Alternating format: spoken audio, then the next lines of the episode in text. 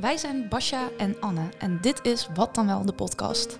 In deze podcast gaan wij met Rotterdamse experts in gesprek hoe we de post-COVID wederopbouw kunnen aangrijpen om Rotterdam een stukje beter te maken. Anne, jij kwam een jaar geleden ongeveer bij Vers Beton met een idee voor een podcast. Waar liep je mee rond? Thanks Basja. Ik merkte dat de alledaagse problemen die ik in de stad zie, bijvoorbeeld woningnood, armoede, klimaat, soms te ingewikkeld voelen. En dat de reguliere politiek soms te traag en te ver weg lijkt om daar iets aan te kunnen doen. Ik vind dat dan heel erg frustrerend en ik merk dat ik en anderen om mij heen dan uitchecken, gewoon het kabinet de schuld geven en het daarbij willen laten. Die moedeloosheid is giftig en ik vind dat we daar wat mee moeten. Ik las laatst een quote van de dichter Aya Monet en zij schreef: The freest people on earth are not controlled by hatred or fear, but moved by love and truth. En dat is iets wat ik in deze podcast samen met Basja wil uitzoeken. Wat gebeurt er wel? Wat voor verandering is er mogelijk? Hoe kunnen wij de stad wel een beetje beter maken? In het kort, wat dan wel? Dit is aflevering 1, de straat. In 2014 verhuisde ik naar Rotterdam, naar Bospolder. Daarvoor woonde en studeerde ik in Antwerpen. In Antwerpen was ik een aantal keer van de ene hoek van de stad naar de andere verhuisd. Zo deden al mijn vrienden dat. Heb je genoeg van je huis, dan kijk je gewoon even verder. In je eigen wijk of juist in een heel andere omgeving. Een eensgezinswoning met tuin, een twee- of drie kamer appartement, een woongroep of juist een studio. Je kon op zoek naar een plek die bij je past en je had de vrijheid om te kiezen. Ik woon nu nog steeds in het appartement in Bospolder waar ik in 2014 terecht kwam. Het is een heel fijn huis. Ik hou van de wijk, ik werk er en ik voel me 100% thuis. Maar mijn 35ste verjaardag komt eraan. Ik besteed een groot deel van mijn inkomen aan, inkomen aan een huis dat ik moet delen met een huisgenoot. Eigenlijk kan ik nergens anders heen binnen Rotterdam. Maar mijn leven gaat wel door. 35 en vrouw. Ik word voor het blok van de biologische klok gezet. Maar als ik kinderen wil, kan dat niet in dit huis. Als ik ergens anders naartoe verhuis, mis ik een deel van mijn inkomen dat ik in de wijk verdien. Dus ik heb moeten kiezen. Even geen kinderen voor mij. Misschien wel nooit dus. Ja, de plek waar je woont bepaalt dus een groot deel van je leven. En daar gaan we het dus vandaag over hebben. De wooncrisis. We praten daarover met Mustafa SOIN. En Mustafa is een van de oprichters van het bewonerscollectief Recht op de Stad. Dat zich inzet voor een beter en eerlijker woonbeleid in Rotterdam. Mustafa is hiermee begonnen toen hij zelf gedwongen moest verhuizen vanwege de sloop van de Rotterdamse Tweebosbuurt. En daarnaast is hij fractiemedewerker in de Tweede Kamer. We spreken met hem over de wooncrisis en wat wij hier, nou, hier tegen kunnen doen. Mustafa, heel erg veel dank dat je hier wilde zijn. Uh, we wilden eigenlijk vragen, nou, hoeveel van dit soort verhalen hoor jij zelf uh, in een week? Maar ja, je hebt recentelijk voor Vers Beton ook een stuk geschreven over, nou, misschien nog wel een belangrijker verhaal, over je oude buurvrouw Garda Pelger. En kun je daar wat meer over vertellen? Waarom wilde je dit verhaal vertellen? Uh, mevrouw Pelger is het uh, gezicht geworden van de Tweebosbuurt. Ik schreef ook in mijn column dat, uh, dat ze dat waarschijnlijk tegen wil en dank is, is geworden. Zij woonde al ehm, ja, 82 jaar in de Tweebosbuurt en kreeg een paar jaar dus geleden te horen dat ze ook moest verhuizen. Maar ze heeft altijd gezegd, hier wil ik oud worden in mijn huis. En dat kon niet. De gemeente heeft een ander plan voor de Tweebosbuurt bedacht. Wij moesten namelijk plaatsmaken voor de zogenaamde sociale stijgers. Mensen met een dikkere portemonnee. Maar als je kijkt, wat, wie zijn nou de sociale stijgers? Dan, dan zeg ik dat mevrouw Pelger bovenaan die sociale ladder stond. Want mevrouw Pelger stond erom bekend dat ze haar buren hielp. En dat buren haar hielpen. Om even een voorbeeld te geven. Toen haar Marokkaanse buren uit Marokko kwamen, heeft zij haar buren geholpen met hun eerste woordjes Nederlands. Zij heeft hun kinderen geholpen met huiswerk maken. Dat is wat de buurt zo sterk maakt. En dat is wat je eigenlijk zou mogen verwachten of willen zien, ook van, van burgers, dat ze voor elkaar zijn, dat ze voor elkaar opkomen. En dat deed mevrouw Pelger. Dus toen zij stierf, ja, voelde ik ook wel ja, een soort morele plicht ook om een column over haar te schrijven, waarin ik toch ja, heel veel ja, dank ook uitspreek hoe zij, over wie zij was als mens. Maar ook dat ze natuurlijk de strijd heeft geleverd voor, voor onze buurt. Ja, dat is heel mooi. En eigenlijk zeg je ook al, sociale stijgers, is dat nou inkomen of is dat nou inderdaad met elkaar zorgen dat, dat je er met elkaar voor vooruit gaat? Dat vind ik heel mooi. Um, je vertelde al wat over de buurt. Kan je iets meer vertellen voor mensen die misschien niet in Rotterdam wonen of de Tweede Bosbuurt niet kennen, wat voor type buurt het eigenlijk is? Ja, de of was? Dat, ja, het is inderdaad was dat de buurt is nu met de grond gelijk gemaakt. De Tweebosbuurt is echt een typische volksbuurt, uh, waarin heel veel nationaliteiten wonen. Um, mensen die er al heel lang wonen ook, dat maakt ook de, buurt zo bijzonder. Er is heel weinig uh, verloop, heel weinig leegstand, of weinig geen leegstand. Het is een buurt die ook voor, die voor elkaar opkomt, waarin de samenhorigheid ook heel hoog is. De sociale cohesie, de onderlinge verbondenheid was sterk. Mensen helden echt wel wat voor elkaar over. Maar de tweebosbuurt moest verdwijnen voor de zogenaamde sociale stijgers. Dus onze woning zou dan moeten worden gesloopt om duurdere huurwoningen te laten terugbouwen. En dat in een tijd van woningnood, want bij ons stonden er ongeveer 588 woningen. En die zijn nu gesloopt en dan komen er 240 terug. Dus je gaat van 588 naar 240 woningen. Terwijl er een enorme vraag is. Want jij had het net over, ik wil graag wel verhuizen, maar ja, ik kan niet verhuizen. Nou, onze woningen hadden makkelijk gerenoveerd kunnen worden. Want daar hadden we heel lang om gevraagd, maar dat gebeurde niet. En nu worden ze gesloopt en dan komen er veel minder voor terug. Dus ja, we hebben wel op die manier verloren dat die woningen niet meer staan. Maar we hebben wel laten zien dat als je opkomt voor je eigen rechten, dat je ook bepaalde dingen kunt bereiken. Daar komen ze denk ik straks wel mogelijk over te spreken, over wat je dan zou kunnen bereiken. Ja, klopt. Want uh, de Tweebosbuurt is uh, ook symbool geworden natuurlijk over uh, breder verhaal in Nederland. De woonprotesten zijn inmiddels al meer dan een jaar geleden georganiseerd. in Rotterdam uit elkaar geslagen. en inmiddels is er ook een nieuwe coalitie in de stad. Kun je ons een update geven over het Rotterdamse volkshuisvestingbeleid? Jazeker. Um, het begon wat, wat, ons betreft al eerder naar aanleiding van de sloop van de Tweebosbuurt is, uh, is dat uh, de sloop terechtgekomen bij de, zelfs bij de Verenigde Naties. Die hebben gehoord van onze casus en die hebben meer willen weten. Die hebben toen ook informatie opgevraagd. Uiteindelijk heeft dat geresulteerd in een brief van de Verenigde Naties aan de Nederlandse regering over de sloop van de Tweebosbuurt. Nou, die brief is een hele belangrijke brief ook. Want dat, daarin staat dat het recht op huisvesting wat wij hebben, dat het eigenlijk uh, ja, mogelijk geschonden is. En denk ik dat dat wel ook een belangrijke aanleiding is geweest. Ook, ze zullen het waarschijnlijk niet toegeven, het college, om toch ook het woonbeleid aan te passen. En ook mede natuurlijk aanleiding van de sloop van de Tweebosbuurt zelf. Want het gaat om hoe krijgen bewoners inspraak over hun eigen leefomgeving. Dat is natuurlijk heel belangrijk. En um, dat is in het verleden dus niet gebeurd. We hadden zo'n uh, beleid vroeger wel, tijdens de jaren 70, 80, tijdens de stadsvernieuwing. En dat is eigenlijk het beleid wat we zouden terug willen krijgen. Dus nu zie je langzame kentering dat het college weer het volkshuisvestingsbeleid van vroeger hopelijk weer in era gaat herstellen. Waarin bewoners echt de zeggenschap krijgen, dus echt invloed kunnen uitoefenen op de besluitvorming. En wat wij natuurlijk, uh, waar we ons natuurlijk heel druk om hebben gemaakt, is het behoud van sociale voorraad. Dat er niet meer gesloopt gaat worden om het te slopen. Het vorige college zei, we hebben te veel sociale huurwoningen, die moeten verdwijnen. En daar gaan we duurdere woning voor terugbouwen. We weten allemaal dat de wachttijden enorm aan het oplopen zijn. Dus het is eigenlijk krankjorm, op Rotterdams gezegd, om goede betaalbare woningen te slopen en daar dure woningen voor terug te bouwen. Die vervolgens ook nog eens een keer soms leeg blijven staan. Je vertelde over dat er dan minder huizen terugkomen dan er oorspronkelijk waren. In de Tweebosbuurt van 588 naar 588 naar 200. Dat is natuurlijk flink uh, verschil. Um, en waar gaan die bewoners dan eigenlijk heen? Hoe, wat is, hoe is dat voor de Tweebosbuurt eigenlijk gegaan? De meesten willen altijd wel in de buurt blijven. Dus dat, dat betekent of in de wijk zelf. Maar zoveel woningen komen natuurlijk nooit vrij in de eigen wijk. Dus dat betekent dat je gedwongen wordt om naar andere wijken te verhuizen.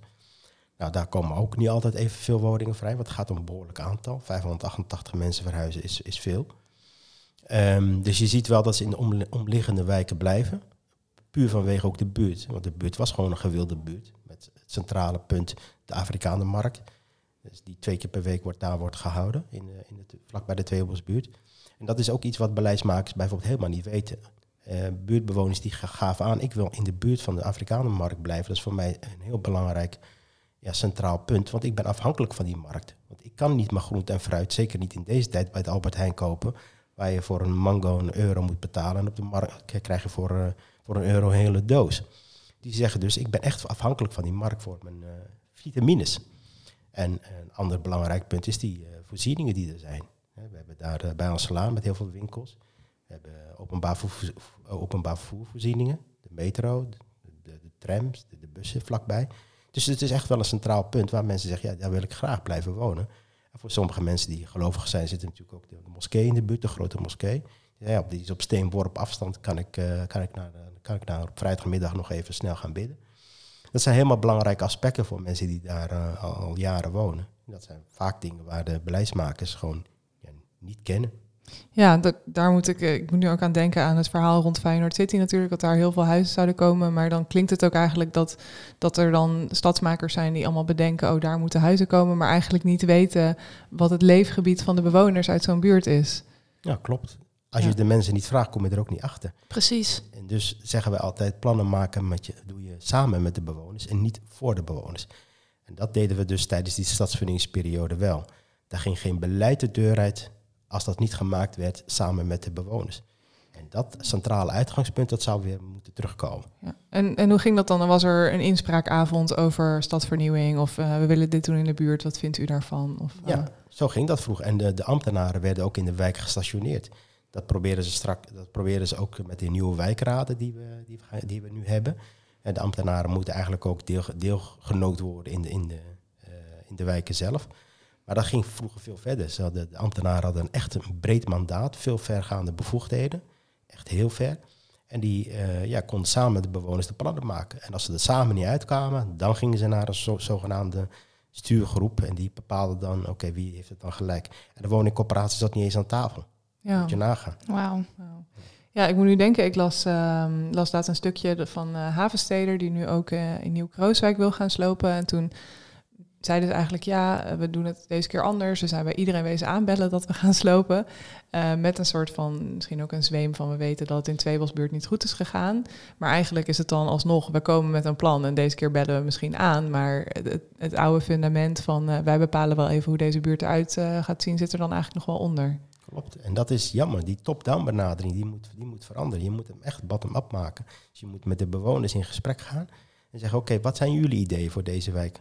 Vinden jullie deze woningen inderdaad zo slecht dat ze inderdaad gesloopt moeten worden? Want er zijn buurten die zeggen, kom alsjeblieft hier slopen. Er zijn Mm. genoeg voorbeelden. Ik kan ze noemen eh, uit Amsterdam, maar Leeuwarden kan ik voorbeelden noemen waarin mensen hebben aangegeven, kom alsjeblieft hier slopen. Want die woningen zijn gewoon te oud om te renoveren. En eh, we willen graag dat hier ge- geherstructureerd wordt.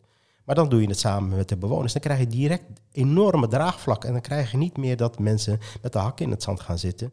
Of dat er allerlei eh, rechtszaken ge- gevoerd moeten gaan worden. Je bespaart heel veel persoonlijke ellende, heel veel persoonlijk leed. En heel veel rechtszaken. Dus eh, ja, het begint bij de bewoners. En niet van we, hebben het besluit genomen om te gaan slopen. En willen jullie vervolgens gaan meedenken hoe we dan vervolgens het proces gaan inrichten. Nee, vanaf het moment, dat er een idee ontstaat in het bestuur bij, bij Havensteder in dit geval, gelijk met de bewoners in gesprek gaan. hey, wij hebben dit idee, hoe staan jullie daar tegenover? Kunnen wij samen dat proces eh, ingaan? En dan zul je zien dat, dat je echt samen met eh, de, de, de plannen samen met de bewoners echt heel goed kan maken. En daar heeft de, de geschiedenis ook uitgewezen. Dus het is, het is niet nieuw wat ik nu roep. Hm. Dat doen we, hebben we 30 jaar lang gedaan. Ja. En toen werkte het ook. ja, jullie hebben het zelf niet opnieuw hoeven uitvinden op die manier. Je kan gewoon terugkijken in de geschiedenis. Precies. Ja. Daar, is, eh, daar ligt genoeg eh, materiaal eh, is daar, eh, voor te vinden. Ja, wat ik dan nog wel interessant vind, want jij bent betrokken bij Recht op de Stad, een eh, organisatie die hier heel veel voor doet. Wat heeft jou doen besluiten om die nou, activistische handschoen, of die organiserende handschoen op te pakken om daar echt mee aan de slag te gaan? Nou ja, in het begin, toen wij natuurlijk eh, aan het strijden waren voor de Tweebosbuurt, waren we daar natuurlijk nog niet mee bezig. Dat was, je was alleen maar aan het strijden voor je eigen buurt, straat of zelfs je eigen huis. Maar later bedachten wij, ja, maar deze strijd wordt ook andere buurten, in andere wijken in Rotterdam ge- gevoerd. Laten we dan de handen ineens slaan, ineens slaan, want dan staan we natuurlijk veel sterker. Want nu doen we het allemaal voor ons eigen. En zo is het eigenlijk het idee begonnen om recht op de stad te beginnen. Want als je ergens moet beginnen, moet je beginnen met de woonvisie van de gemeente Rotterdam. Want dat is in principe de, de kwade genius achter dit hele verhaal. Als je die samen weet, eh, een ander verhaal weten neer te zetten, een ander plan. En dat het plan hebben we geschreven met recht op de stad. En dat zijn mensen, fotografen bij betrokken, publicisten, wetenschappers, sociologen, kunstenaars en buurt- buurtbewoners. Die samen met, eh, met de anderen een beter plan voor Rotterdam hebben geschreven. En eh, voor mensen die misschien niet weten wat de woonvisie is of precies eh, wat voor een uitwerking die heeft gehad, kun je dat kort vertellen? De woonvisie is eigenlijk heel simpel. Dat is het gewoon het gemeentelijk woonbeleid voor de komende vier, vijf jaar. In eerste instantie was die zelfs tot 2030. En die wordt op dit moment herzien door dus al die druk die er vanuit buiten is geweest. En eh, Chantal Zegers, de nieuwe wethouder bouw en wonen, die heeft die handschoen opgepakt. En die eh, gaat eh, een nieuwe woonvisie schrijven. Dus we zijn heel benieuwd. Er zijn expertmeetings, expertmeetings gehouden. Die worden nog steeds gehouden. Met de huurdersorganisaties onder andere, met de woningcorporaties. Iedereen heeft zijn inbreng kunnen doen. Ook recht op de stad. En NPZ is ook bezig, Nationaal Programma Rotterdam-Zuid in, in Rotterdam. Die is ook bezig met een soort herziening van hun woonpijler. Daar is recht op de stad ook bij betrokken. En ook uitgenodigd door het bestuur van de. Dus er gebeurt wat, gelukkig, eindelijk. Ja, jullie zitten aan tafel. We zitten aan tafel, ja. En er wordt nu hopelijk goed geluisterd en vervolgens ook omgezet in beleid. Het is makkelijk luisteren, maar het moeilijkste is omzetten in beleid. En daar uh, zullen we ze verantwoordelijk voor houden. We, we zijn uh, een soort watchdog, een waakhond. En kijken of het inderdaad datgene wat iedereen roept, of dat uiteindelijk ook op papier gezet wordt. En, uh, en daar zijn we mee bezig, onder andere ook via het Sociaal Statuut. Hoe heeft de sloop van de Tweebosbuurt jouw leven veranderd in de zin van jij dacht van hé, hey, deze democratische gang van zaken is niet zo heel democratisch gegaan. Ja. Jij bent het ook een gezicht geworden. Je wordt uitgenodigd op uh, allerlei uh, debatavonden. Uh, tijdens de woonprotest hebben we jou horen spreken. Hoe, hoe, heb je besloten van nee, ik wil meer? Um, ik ga het proberen te vertellen zonder emotioneel te worden. dat, um, dat is begonnen met uh, een handelingsperspectief op Rotterdam, of handelingsperspectief op de Afrikaanderwijk. Dat is een document van het Nationaal Programma Rotterdam Zuid.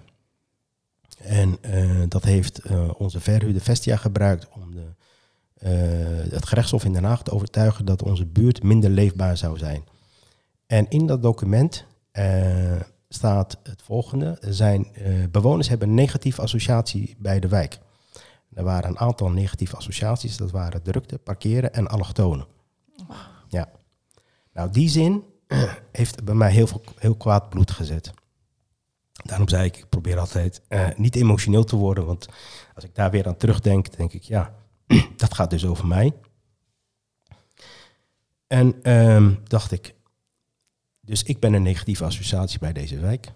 Mijn kinderen zijn een negatieve associatie bij deze wijk. Nou, dat, dat, dat, dat, uh, ja, dat, ga ik niet over me heen laten komen. Dat was eigenlijk de trigger om te zeggen, nou oké, deze allochtoon laat laten zien, proberen te laten zien wat mensen in deze wijk kunnen betekenen. Nou, dat, ik denk dat we daar aardig in geslaagd zijn.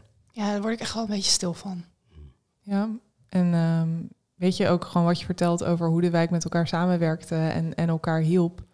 Um, ja, ik, ik kan daar niet echt een negatieve associatie bij bedenken. Ik, ik denk dan eerder dat, uh, dat de stad een negatieve associatie heeft en niet uh, ziet wat er nou eigenlijk in zo'n buurt gebeurt. Met elkaar helpen, uh, elkaar supporten en ja.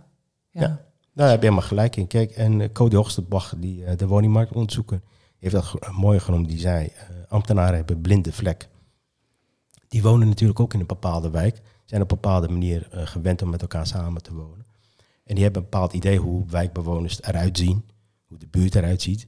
En als die dan in een tweebosbuurt komen wonen of in een andere buurt in Rotterdam, denk je, ja, maar zo hoort het niet. Die hebben ja, een bepaald referentiekader. Maar die weten niet hoe mensen met elkaar daar leven. Die weten niet hoe dat sociaal netwerk werkt. Die weten niet dat ik Edwin help met het invullen van zijn belastingaangifte, dat hij mij helpt bij bepaalde ja, uh, bouwwerkzaamheden als ik iets mm. moet verbouwen of zo. zo. Zo is dat netwerk daar gelegd in, in zo'n buurt. De mensen zijn van elkaar afhankelijk omdat de mensen ook een minder dikke portemonnee hebben. Dan kun je geen loodgieter inschakelen voor 100 euro per uur of 50 euro, ik weet niet wat het, wat het kost. dus ja, mensen zijn van elkaar afhankelijk en zo, zo leef je met elkaar. En we vormen echt een gemeenschap en dat is wat we ook hebben geroepen. Je hebt geen woningen gesloopt, je hebt een gemeenschap gesloopt. En ja, ik hoop dat, dat die boodschap wel overgekomen is. En zeker bij mevrouw Zegers. Maar ik vermoed van wel. Maar we, gaan, we moeten het terugzien. Hè? Ja.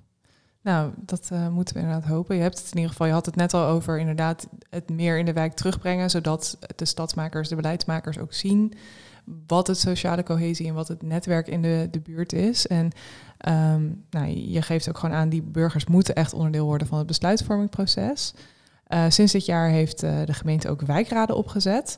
Uh, en dat zouden dan een niet-politiek orgaan zijn dat het stadsbestuur gevraagd en, ongevraagd van advies mag voorzien en ook input levert over de buitenruimte. Denk je dat de komst van de wijkraden ook verandering gaan brengen? Wel, maar niet in die mate die we zouden graag willen zien. Uh, we hebben als recht op de stad ook ingesproken toen die wijkraden zouden worden opgezet. Wijk aan zet heette dat toen. We hebben toen ook meegedaan aan de verschillende gesprekken daarover. We hebben altijd gepleit dat het domein van wonen, dus de fysieke domein, dus echt wonen, het dak boven je hoofd onder andere, dat dat ook onder de bevoegdheden van zo'n wijkraad zou moeten komen. En die, dat is helaas niet gebeurd. Er is zelfs een motie ingediend en die heeft het niet gehaald. Dat vinden we heel erg jammer, want we, we hunkeren naar de periode van de stadsvernieuwing. En daar ging het ook met name dus ook over de, de eigen woning, dat je daar veel over te zeggen krijgt. Want het is natuurlijk heel raar dat je wel iets te zeggen krijgt over de buitenruimte, maar het dak boven je hoofd, daar krijg je weinig over te zeggen. Dat is toch heel vreemd. Ja, en we zouden heel graag willen dat die ambtenaren, die uh, zogenaamde dedicated team, die zo'n wijk geplaatst worden, dat die ook dus bevoegdheden krijgen en een ruimer budget. En dat ze niet voor elke wisselwasje naar Kossingen moeten lopen van mogen we dit alsjeblieft uitvoeren. Nee, we gaan samen met de bewoners bepalen wat goed is voor de wijk. En dat gaan we doen.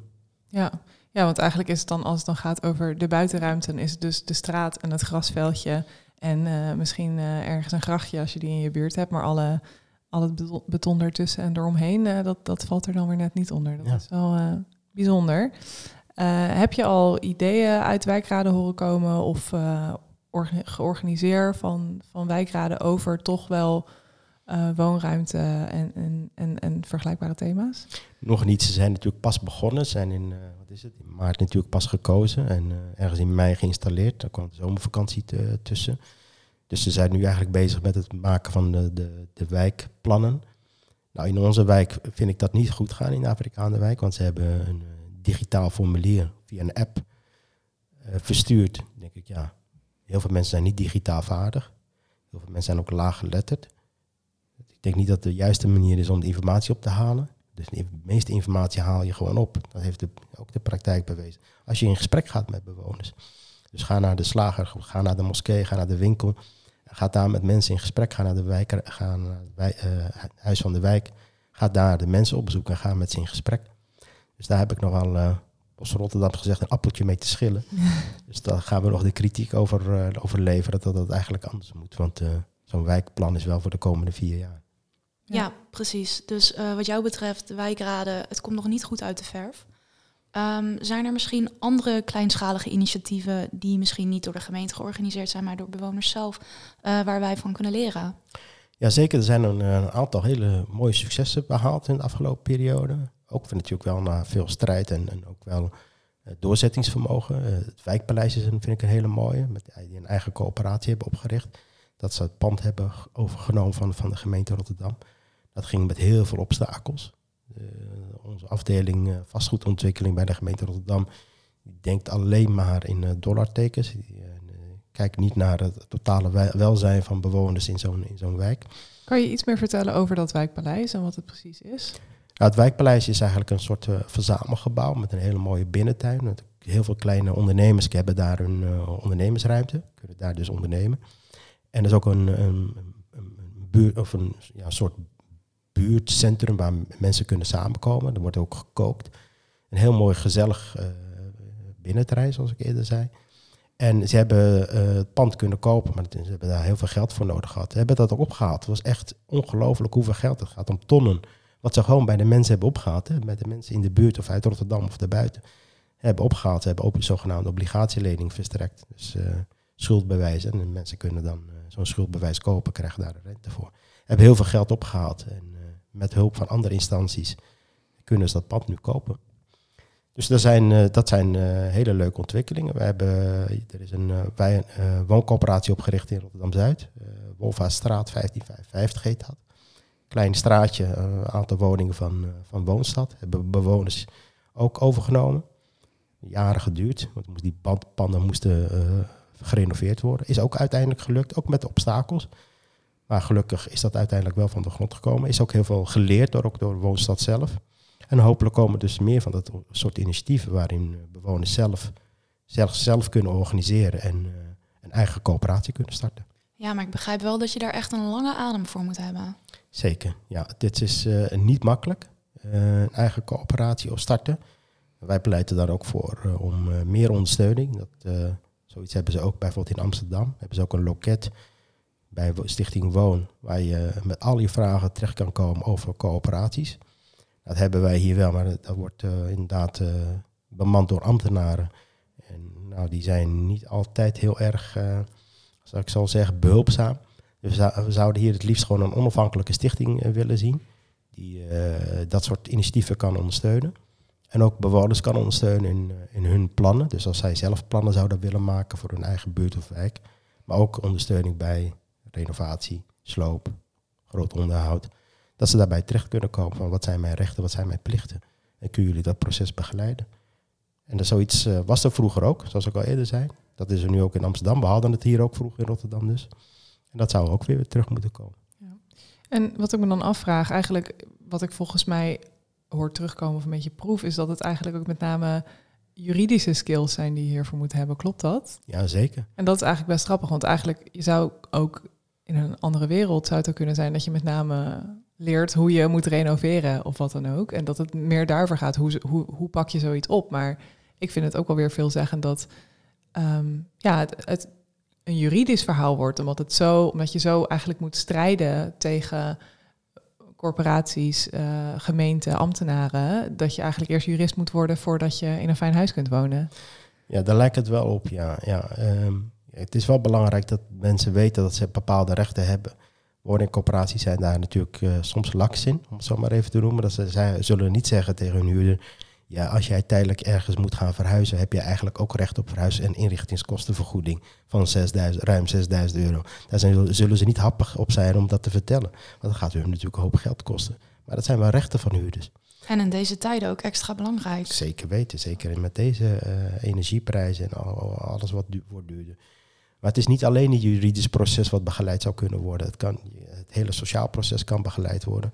Wat wij ook belangrijk vinden is dat je het fysieke domein, dus de woning, ook koppelt aan het sociaal domein. We hebben te maken met op dit moment bijvoorbeeld, jij komt uit Bospolder Tussendijk. Ja. Daar zijn ze nu aan de wijk aan het verduurzamen, als het goed Ja. is, van aardgasvrij maken. Aardgasvrij. Nou, dat is het moment, want dan zit je bij die, bij die huurder aan tafel om met die huurder ook over andere dingen te praten dan alleen maar aardgas vrijmaken van die woning. Je kan het hebben over het sociaal domein. Is er sprake van schuldenproblematiek? Is er sprake van opvoedkundige problemen? Kun je de huurtoeslag moeilijk aanvragen? Weet je überhaupt dat je die kan aanvragen? Want 10% van de mensen die er recht op hebben, vraagt hem niet aan, landelijk gezien. En ik schat zo in Rotterdam is dat percentage waarschijnlijk hoger. Dus je kunt veel meer betekenen op het moment dat je bij die huurder aan tafel zit. Die praat toch al met hem en je het vertrouwen krijgt van die huurder, kun je heel veel voor die huurder betekenen. En kun je dus heel veel problemen voorkomen en ook verhelpen. Dus ik zou het sociaal domein en, het fysieke domein direct aan elkaar koppelen. Maar heb je dus. Ja. Ja, ook de gemeente en beleidsmakers hebben een lange adem nodig en eh, veel aandacht die ze moeten vasthouden. Daar zijn we nu bezig, want dat proberen wij dus via het Sociaal Statuut te bereiken. Dat is een statuut voor heel Rotterdam. En dat geldt dan voor de wo- woningcorporaties, de grootste woningcorporaties, en nog een paar kleine. En eh, daar die gesprekken lopen dus met de gemeente, de woningcorporaties en de huurdersorganisaties over het Sociaal Statuut. De afspraken die we daarover willen maken gaan in principe in eerste instantie over sloop, nieuwbouw, renovatie, onderhoud. Maar het liefst koppelen we daar dus ook het sociaal domein aan. En weer teruggrijpend op vroeger, de opbouwwerken van vroeger. Hè? Dus eh, de mensen die eh, dat hele sociaal proces begeleiden, wat ik net al noemde. Die, die opbouwwerkers van vroeger, die zouden eigenlijk weer terug moeten komen. Ja, wat een term dan ook, eh, opbouwwerker, als Ja. je er even over nadenkt. De- de Wederopbouwwerken. Ja. Wederopbouwwerker, sa- ja. samen, de, samen de, samenleving opbouwen. ja. Ja. Hey, en Mustafa, met welke ideeën ben jij momenteel aan het spelen? En met welke ideeën wil, je- wil jij de komende tijd mee bezig? Ik hoor je over het sociaal statuut. Ik neem aan dat dat iets is wat jullie hopen dat eh, verschillende initiatieven gaan tekenen. Ja, we zijn nu eh, eh, de komende maand in ieder geval eh, ben ik daar vanuit, ik zit bijna ook bij de huurdersraad van Vestia. Dus vanuit die rol zit ik bij, ben ik betrokken bij de gesprekken over het sociaal statuut. Daar gaat heel veel tijd in zitten. En ik ben betrokken bij de landelijke woonopstand, dus de, de, de landelijke coalitie van alle woondemonstraties in, in, in, Nederland.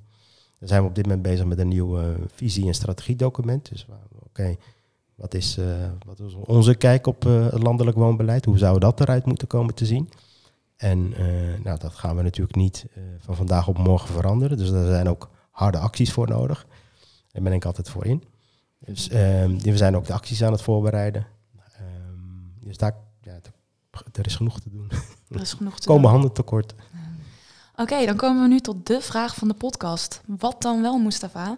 Wat kunnen mensen die nu luisteren vandaag doen om bij te dragen aan een beter woonklimaat voor onszelf?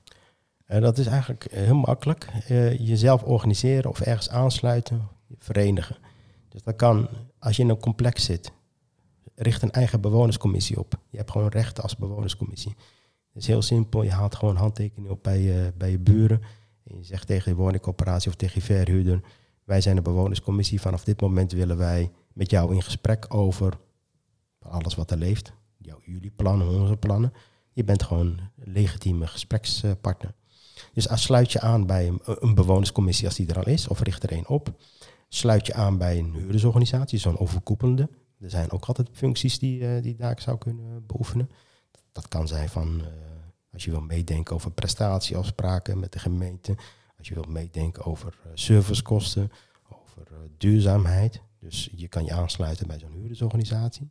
Je kan je aansluiten bij verschillende woonbewegingen. We hebben hier de Bond Precaire Woonforum in Rotterdam. Die opkomen voor mensen die precair wonen. Dat, dat zijn mensen die nog minder rechten hebben. Die kunnen bij, bij spreken binnen 28 dagen al op straat staan.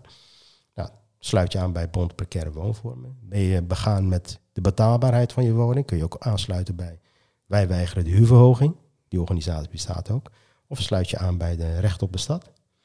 Wij komen ook daar handen tekort. Dus als jij denkt, ik kan, ik kan iets, maakt niet uit wat. Er zitten bij ons kunstenaars, wat ik al zei, wetenschappers. En we hebben alle handen uh, hard nodig. Of uh, ben je al aangesloten bij een beweging en je wil landelijk iets betekenen, sluit je aan bij uh, de landelijke coalitie van woondemonstraties, de woonopstand. Dankjewel. Helder.